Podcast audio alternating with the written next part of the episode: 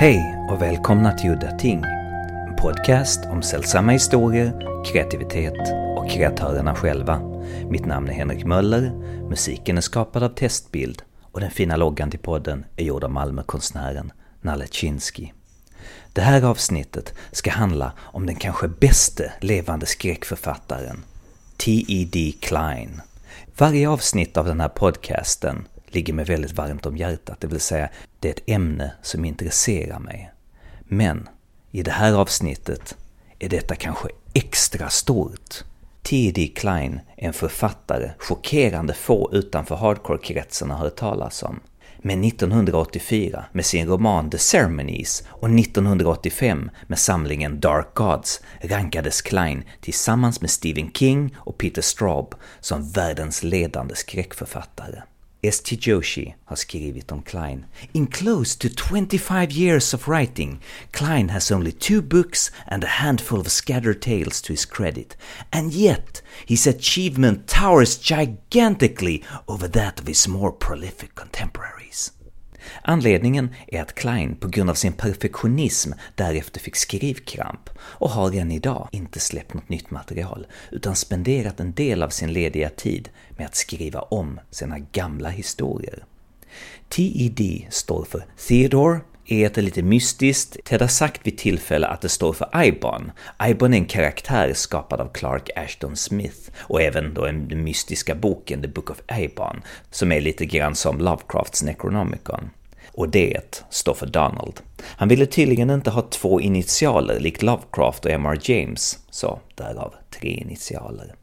Ted Klein är född den 15 juli 1947 och bosatt och verksam i New York. Och samtliga av hans noveller utspelar sig i New York, eller så har de huvudpersoner som kommer från New York och hamnar på landsbygden, som huvudpersonen Jeremin i The Events at Poroth Farm. The Events at Poroth Farm är Kleins första mästerverk. Den utkommer 1972 och är i korta drag en 38 sidor lång novell om en collegeprofessor som under ett sommarlov sitter och läser in sig på skräcklitteratur inför kommande terminen ute på landet, där han kommer i kontakt med en extremt obehaglig och eventuellt utomjordisk parasit som tar över och kanske kopierar organismer. Boken är väldigt suggestiv i narrativ och inte nog med det, den innehåller även referenser till ett dussin skräckklassiker, eller fler faktiskt, jag minns inte. Och det är allt ifrån Arthur Machen, M.R. James, Sheridan LaFanu, Bram Stoker, Anne Radcliffe, Shirley Jackson, Charles Maturin, Melmoth the Wanderer, Matt Lewis, bok The Monk, Charles Christophers, The Possessors och såklart Lovecraft själv. Alla dessa historier vävs in i berättelsen för att hinta om vad som egentligen händer, eller i alla fall hur huvudpersonen upplever händelserna vid Porath Farm. När jag läste denna novell första gången i samlingen Return to Lovecraft Country för i år exakt 20 år sedan, en samling av moderna Lovecraft-inspirerade noveller, var jag inte alls bekant med alla tidigare nämnda författare och deras verk. Men det spelade ingen roll, historien var gripande nog ändå. Och scenen där katten hittas död, sprängd inifrån, och märk väl att detta är skrivet 1972, hela sju år innan första Alien-filmen. Som sagt, katten som hittas död av parasiten, sprängd av något inifrån, plötsligt dyker upp levande var exceptionellt läskig. Katten beskrivs nu som om den går som en nyfödd kattunge. Det är ungefär som att det inte är katten, utan en kopia som försöker imitera kattens beteende på ett väldigt klumpigt sätt. Huvudpersonen upptäcker plötsligt att katten aldrig blinkar, och det är inte förrän huvudpersonen påpekar detta så blinkar plötsligt katten till, som om den hörde vad han sa och blev påmind om sitt misstag. Och i slutet så återkommer han mycket väl till detta när Sarah Parth säger “Sometimes we forget to blink” och därmed hintar om att det finns fler som han där ute. Författaren och speldesignern Kenneth Height Klein is he, he likes detail and he likes uh, echoes and history and I think that he you know he wants that to come across in in writing and in Poroth Farm because he's able to sort of egg the pudding and say, "Oh, I've got a guy. He's on this farm." And by an odd coincidence, he's reading the history of horror literature. So that lets me have an excuse to drop in all these allusions. uh, if you just say it sort of baldly out there, it sounds like it would be cheap and hackneyed. But of course, because he's Klein, it totally works and it adds depth as opposed to pulling you out of the story. Ted Klein is, as he shows us with all of Poroth Farm's references, extremely well read. I mean, I had to look up some of the authors. There's there's no question that in the in the battle between Ted Klein and me, Ted Klein is is the king, and I am and I'm not even in it. Um, he, you know, he is he has read more than I've read. You know, he read more in 1972 than I've read now. Let's just put it that way. How would you describe his style? Maybe part of being able to write that way is to have read as much 19th century writing as Klein has, because so much of that approach is of that sort of 19th century we're going to lay down layer after layer after layer of prose like you're varnishing a table. And that is not something that 20th century writers even very prolix 20th century writers necessarily do or necessarily do very well. Um, again not to keep coming back endlessly to stephen king but he is sort of the the the, the other uh, uh, you know, ghost in the in the in the closet next to Arthur Machen here. King doesn't bother to do it because he he knows he can't. Um, except very very rarely he'll he'll try it. But but Klein I think is sort of natively at home in that kind of language use. And when he, you know, and and with any author, you write to what you're good at. If you if you're any good at all, you you know Ramsey Campbell stopped trying to write like H.P. Lovecraft and started writing like Ramsey Campbell with a sort of um, uh, ironic despair that Lovecraft could never have managed in a million years. And because Campbell can do that voice, his his horror really you know deepens out. And I think Klein's native voice is that sort of layered noticing. I'm seeing a, a, a hundred things that you're not seeing, and because I'm a horror writer, I'm going to tell you about the scary ones. Senare skulle Klein utveckla Porath Farm till en roman med namnet The Ceremonies, något som skulle ta perfektionisten Klein fem år att slutföra. Än idag skriver han om sina gamla historier och då nyligen The Ceremonies som gav ut i en superdyr limiterad upplaga av PS Publishing och är sedan länge slutsåld. The degree to which he was able to present cosmic horror in a novel. It, it, may never have been done, with the possible exception of Charles Dexter Ward, that you put cosmic horror in a in a real novel. And Ceremonies is probably three times, five times as long as Charles Dexter Ward. And in fairness, it's not all cosmic horror. A lot of it is the sort of quotidian details of Jeremy's life and and of uh, Rose in New York. So, but that that the cosmic horror the hit is so strong that it stays with you through the whole novel. And the, the closest parallel that I can draw is reading uh, a Machen novel, like um, reading all of the Three Imposters or reading all of um, uh, uh, the novel The White Seal or some of those, um, where uh, Machen is able, with the sort of com- combination of the human experience that is mysterious and and creepy and the glimpses into the cosmic to present that same mix. And Klein, I guess is doing it with the advantage of also having read Lovecraft. So he sort of brings reinforcements around behind to to amp up the Machenness even to a level Machen couldn't have done. Uh, and it's not to say Machen couldn't doesn't create magnificent stuff. It's that because Klein is is has read so much more uh, as well, he's able to bring that those reinforcements to that point. But that combination of cosmic horror with again, like I say, the sort of call outs to not just Machen, but to Lovecraft, to James, to Le Fanu, to all of the great horror uh, novelists.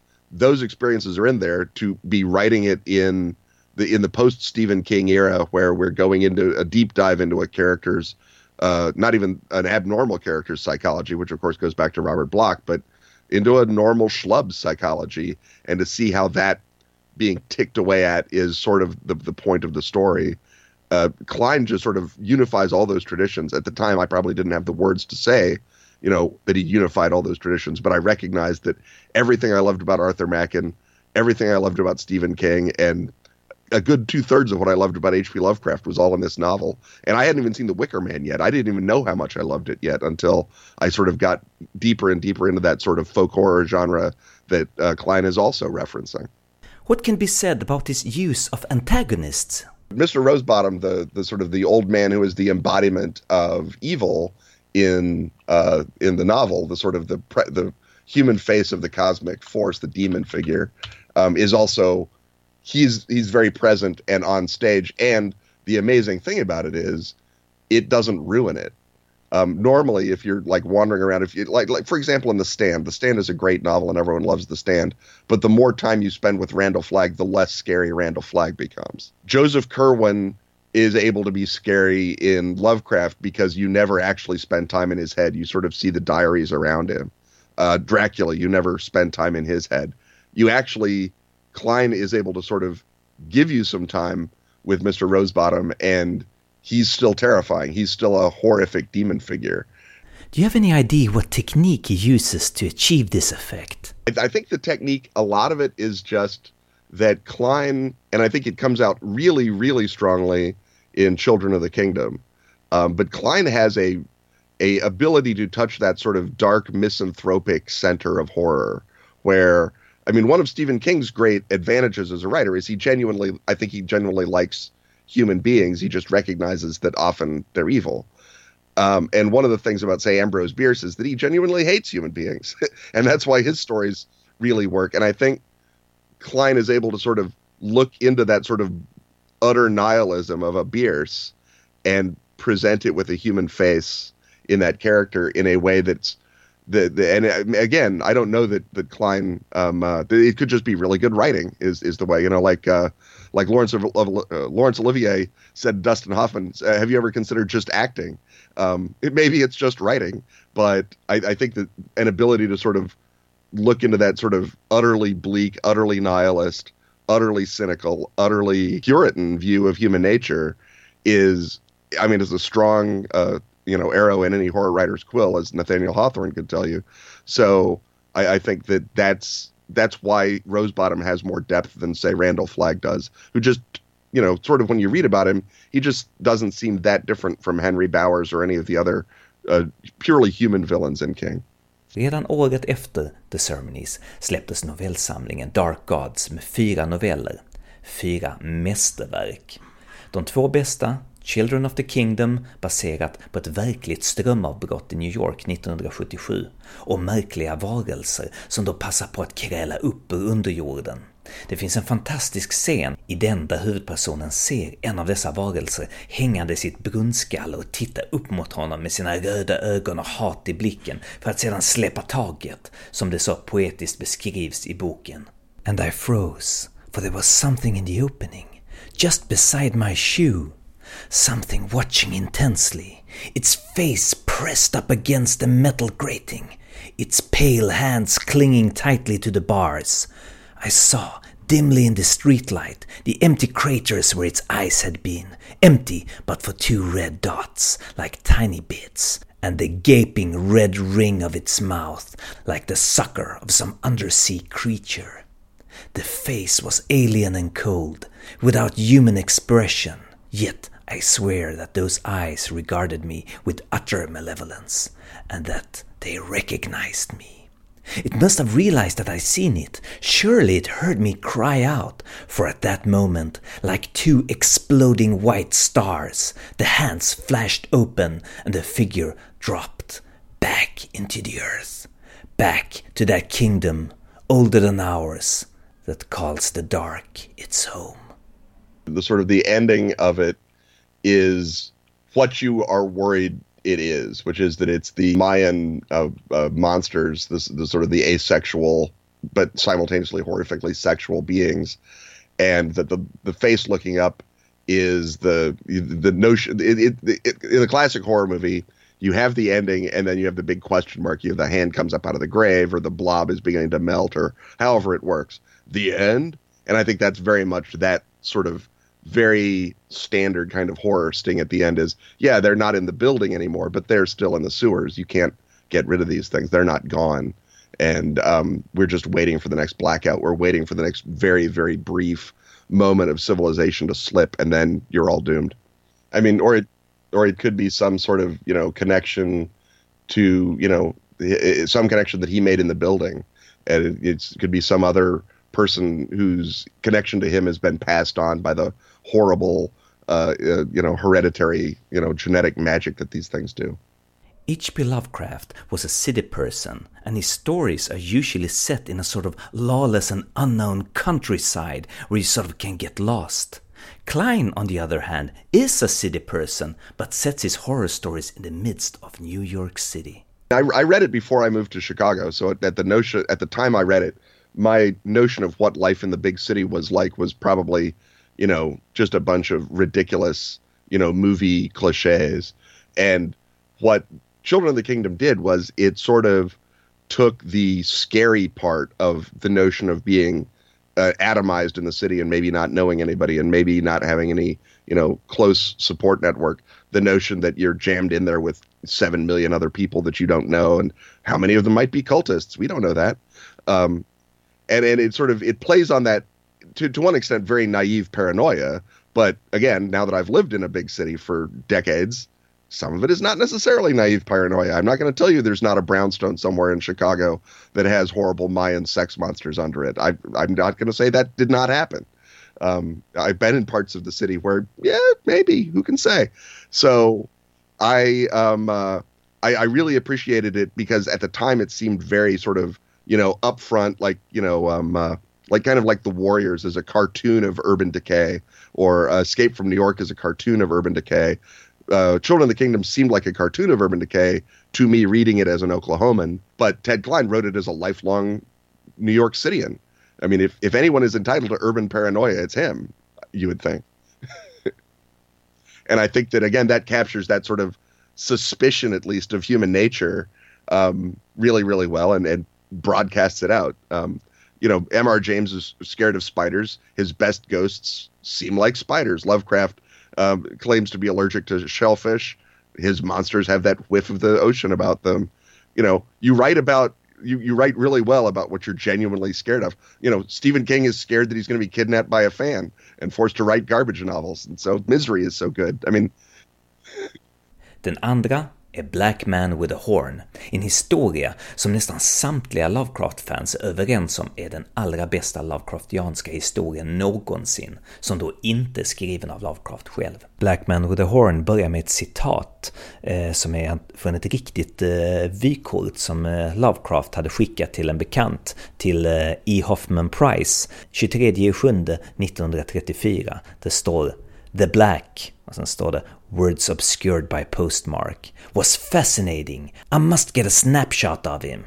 Väldigt fyndig och bra inledning till historien.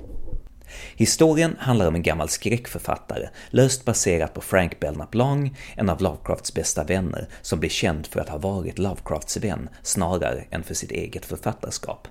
Förra avsnittet av Udda Ting handlade just om Frank Long, så har ni inte hört det så gå tillbaka och lyssna på det.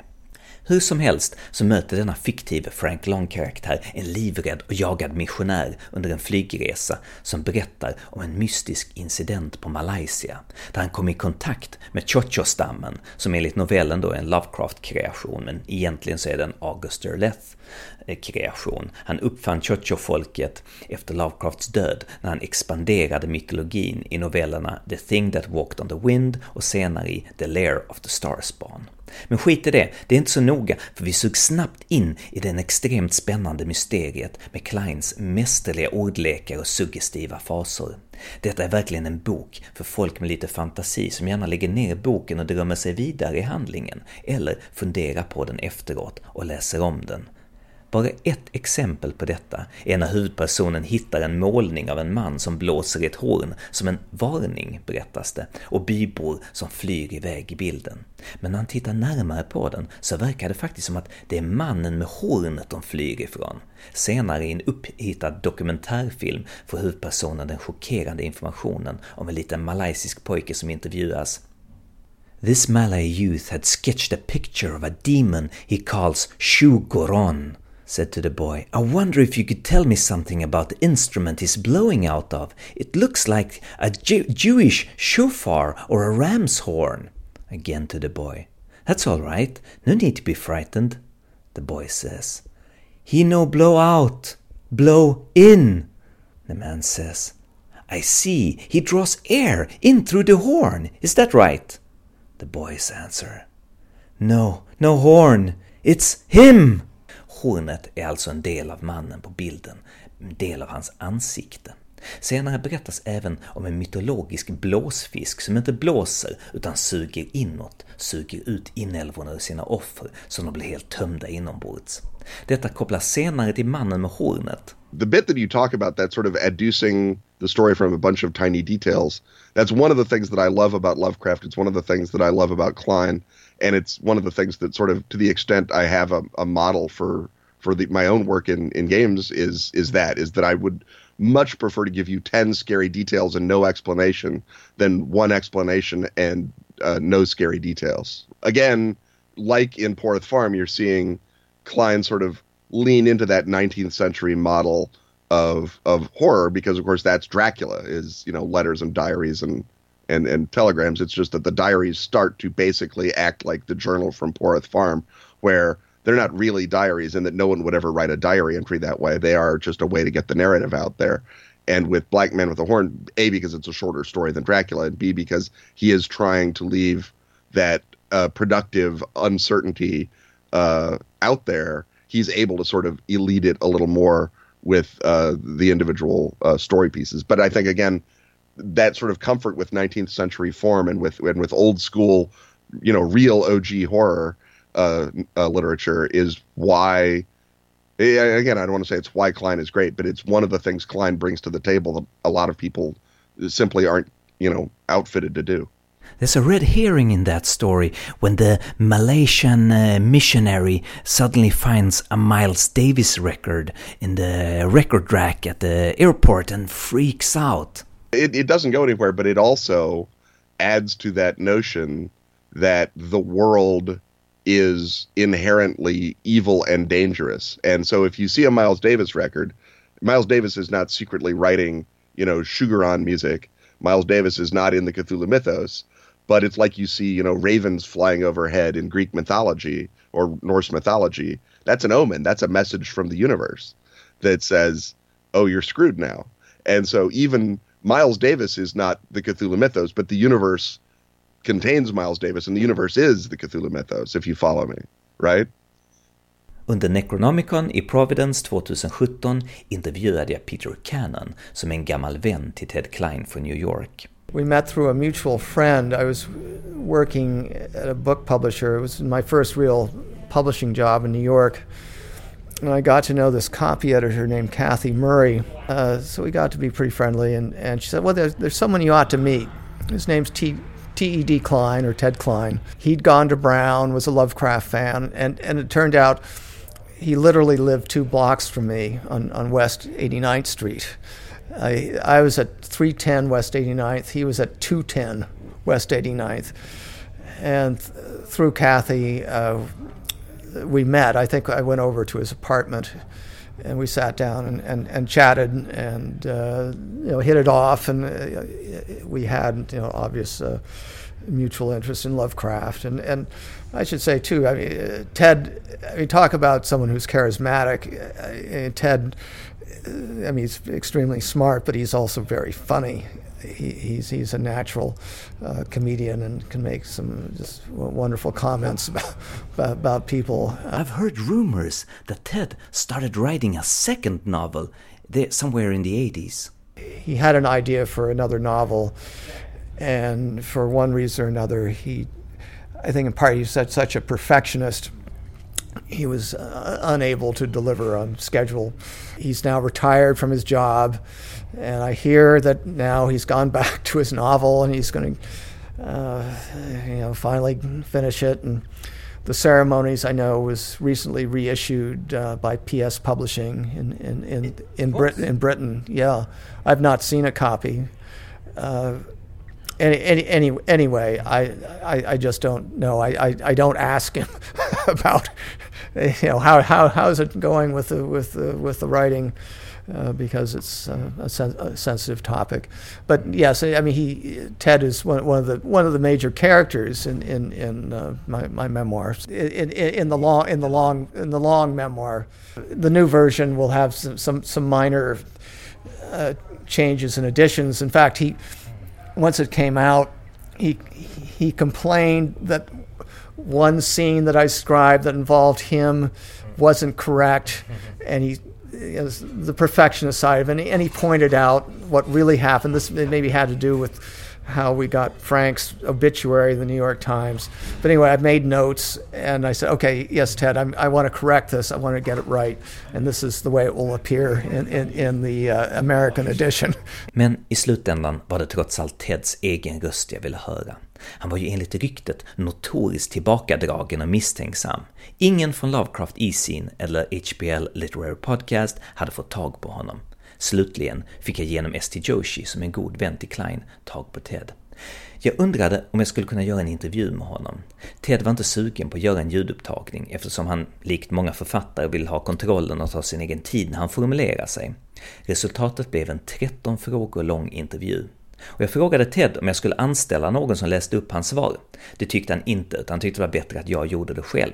Men fan, det kändes torftigt att sitta här och läsa upp både frågor och svar så jag bad min vän, skådespelaren Patrik Karlsson, att läsa Teds svar.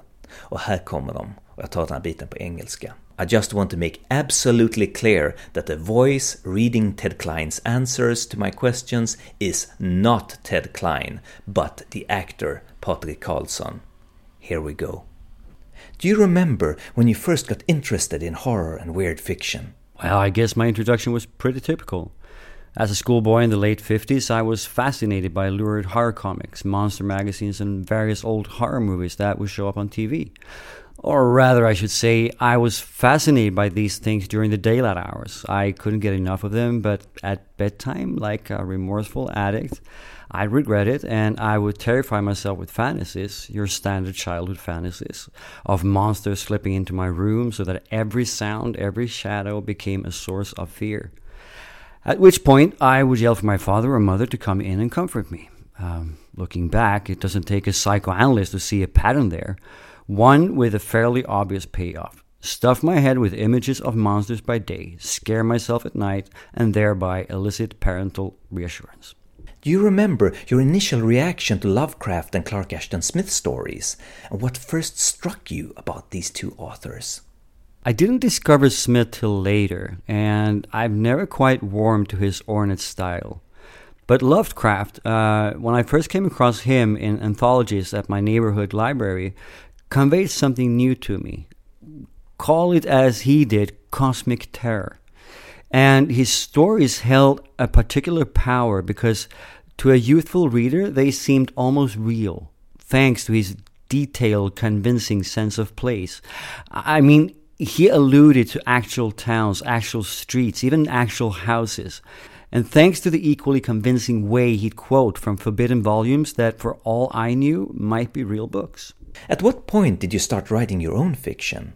I remember elementary school attempts at science fiction. One story I wrote, intended, I should add, to be humorous, was about a nightmarishly overpopulated future society where people are crowded together like mm, New Year's Eve revelers in Times Square. At the end of the story, the hero manages to purchase the home of his dreams, which we discover once served as an outhouse. Were your first stories horror stories? I don't think I wrote anything that could be described as horror till after I'd been reading that genre for years. And when I did, I was basically just trying to imitate writers I admired, Lovecraft among them. Till that time, my stories were, as I say, attempts to science fiction. In part, I think, because science fiction just seemed easier and more fun. I recall writing at least one mainstream story, but it was harder, and I'd probably find that just as true today. Do you know how your ideas materialize? Do you have just a seed of a story when you start writing, or do you just sit down with a blank mind and start to write? I keep a lot of notes. I mean, voluminous notebooks of ideas, images, phrases, quotes, all of which might be capable of, of providing inspiration. But as for where the ideas come from, well, they simply emerge. Isn't that what our brains are for? Do you do a lot of rewrites? Lots and lots. And even today, when I get my hands on something I wrote long ago, I can't resist trying to improve it. I recently revised, albeit slightly, two of the novelettes from Dark Gods Black Man with a Horn and Children of the Kingdom, and made substantial corrections to the ceremonies, which badly needed them. Your stories are so brilliantly constructed with such precision. Do you have a technique, a way of mapping out the story? That's kind of you, thanks. I do worry a lot about trying to make events seem at least somewhat logical, ordering them in some effective dramatic fashion, and in general trying to disguise the fact that almost everything I'm describing, when you come right down to it, is pretty preposterous. My three favorite stories are The Events at Poroth Farm, The Children of the Kingdom, and Black Man with a Horn. Do you have any anecdotes on how these stories came to be? Very briefly, Poroth was inspired, this is probably obvious, by an actual summer I spent on a farm in rural New Jersey. It belonged to some friends from the city who, in some respects, were the inspiration for the farm couple in the story. Children and Black Man were attempts to set supernatural horror within my own Manhattan neighborhood. It's one way of making the world a bit more interesting. Did Frank Belknap Long ever read Black Man with a Horn? And if so, do you know what he thought about it?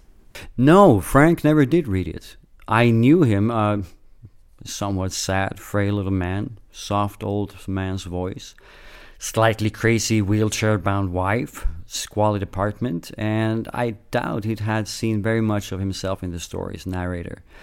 In truth, there's not much resemblance, uh, but I wouldn't have wanted to risk possibly hurting his feelings. Do you remember when, how you first met Frank Long?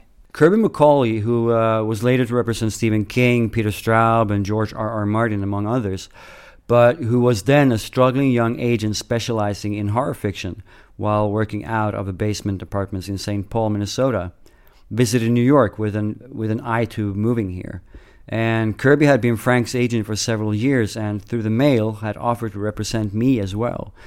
In those in those days, he had as clients a number of elderly writers from Weird Tales and other legendary pulps. Needless to say, since at that time I'd had, I think, exactly one story that appeared in print, the first version of Poroth, as it happens, in the lowly fanzine, I was thrilled. I joined Kirby and Frank for lunch at a Spanish restaurant, El Quijote, near Frank's apartment. I remember being a tad disappointed in Frank. He was already, I guess you'd say, in his dotage. Ted Klein skulle också komma att skriva manuset till Dario Argentos Trauma, Argentos första amerikanska produktion. När detta ryktet gick runt i de amerikanska filmtidningarna så var jag en av många som var extremt entusiastiska. Argento och Ted Klein tillsammans, detta skulle bli fantastiskt bra. Men tyvärr så blev det inte så. Filmen blev fruktansvärt dålig faktiskt Argentos första riktigt dåliga film. Och jag var intresserad, jag frågade runt på forum. Det var ingen som kunde svara på frågan. Vissa som påstod sig känna Klein påstod att Klein bara hade blivit inplockad för att fixa dialogen eftersom han var amerikan, och vissa andra sa att han inte hade gjort någonting alls. Så jag var tvungen att fråga Ted Klein hur stod det till med det här samarbetet? I know that you for good reasons don't like Argento's Trauma. It's his first bad film and the start of his downfall after a long line of great films. Did you know of his work prior to your collaboration with him? Can you tell me how you got involved in the project and did you get to contribute something story wise to the script? Basically, what happened? Oi, so I have the honor to have written Argento's first bad film? Well, I can't argue with that. You asked me earlier about the construction of my stories, and that's somewhat relevant. I was brought in through Kirby, bless him, to write a script based on, if memory serves, a 12 page or maybe 16 page untitled treatment by Argento and one or two associates. It seemed to me excessively, at times even ludicrously, violent and somewhat incoherent. Like for no particular reason, a young boy character ended up hanged. I saw my task in part as trying to make the story a bit more logical and believable, but also to add, if I could, some notions here and there that struck me as unnerving. I had seen three or four of Argento's films and had been quite riveted by them, especially by Suspiria. His English, I found when I met him, was somewhat limited. That was another reason I'd been hired as this was to be his first full length American feature. But he was an eccentric, colorful character, and I felt fortunate to be working with him. We spent a couple of days in Pittsburgh together, looking over possible locations. It's an area, of course, where George Romero had shot his zombie films and where Jonathan Demme had shot The Silence of the Lamb.